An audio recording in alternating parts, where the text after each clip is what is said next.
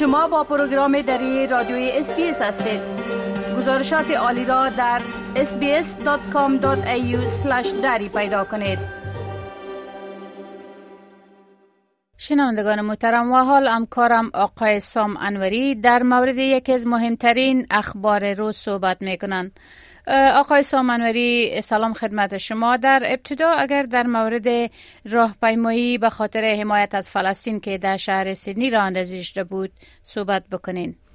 با سلام به شما و شنوندگان عزیز. خب ناوقت روز دوشنبه پس از اعلام رسمی جنگ از سوی اسرائیل در پاسخ به حمله غافلگرانه حماس صدها نفر در همبستگی با مردم فلسطین در سیدنی راهپیمایی کردند.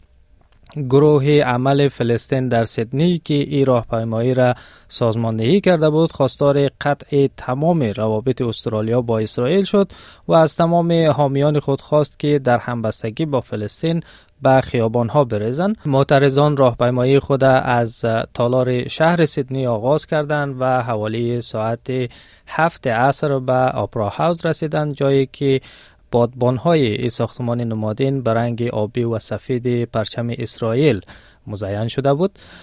فهد علی یکی از معترضان در سخنرانی در تالار شهر از شرکت کنندگان خواست که در برابر اشغال فلسطین توسط اسرائیل مقاومت کنند. او گفت که مردم فلسطین 75 سال است که اراضی خود را از دست دادند و از حق زندگی و آزادی محروم شده و اسرائیل هر روز یک جنایت را علیه آنها مرتکب میشه. شرکت کنندگان راهپیمایی های فلسطین و بومیان استرالیا را به خود حمل می‌کردند. یکی از شعارهای آنهایی بود که تا زمانی که فلسطین در اشغال باشه مقاومت موجه است و برخی دیگر هم فریاد می‌زدند که فلسطین را آزاد کنید. خب یک گرد همایی دیگه هم در جنوب غرب سیدنی برگزار شد. در این مورد اگر کم بیشتر معلومات بتین بله یک جمعیت بزرگ یک شنبه شب در جنوب غرب سیدنی گرد هم آمده بودند و آنچه را که شجاعت حماس برای حمله به اسرائیل خواندند. جشن گرفتند از ناحیه لاکمبا که یکی از نواحی مسلمان نشین سیدنی است. ویدیوهای منتشر شده که در او گروهی از افراد فریاد می‌زنند که اشغال یک جنایت است و فلسطین آزاد خواهد شد. بسیاری از افراد شعارهایی را در دست دارند که روی آنها نوشته شده آزار و اذیت مسلمانان را متوقف کنین و برای مظلومان بایستید شیخ ابراهیم دادون در گردهمایی حمله بر خاک اسرائیل را یک نوع مقاومت خواند و گفت که افتخار می‌کنه که حماس دست به این حمله زده. بله تشکر. خوب گفته شده که حکومت استرالیا و اپوزیشن در کشور ای راه پیمایی را محکوم کردن بله؟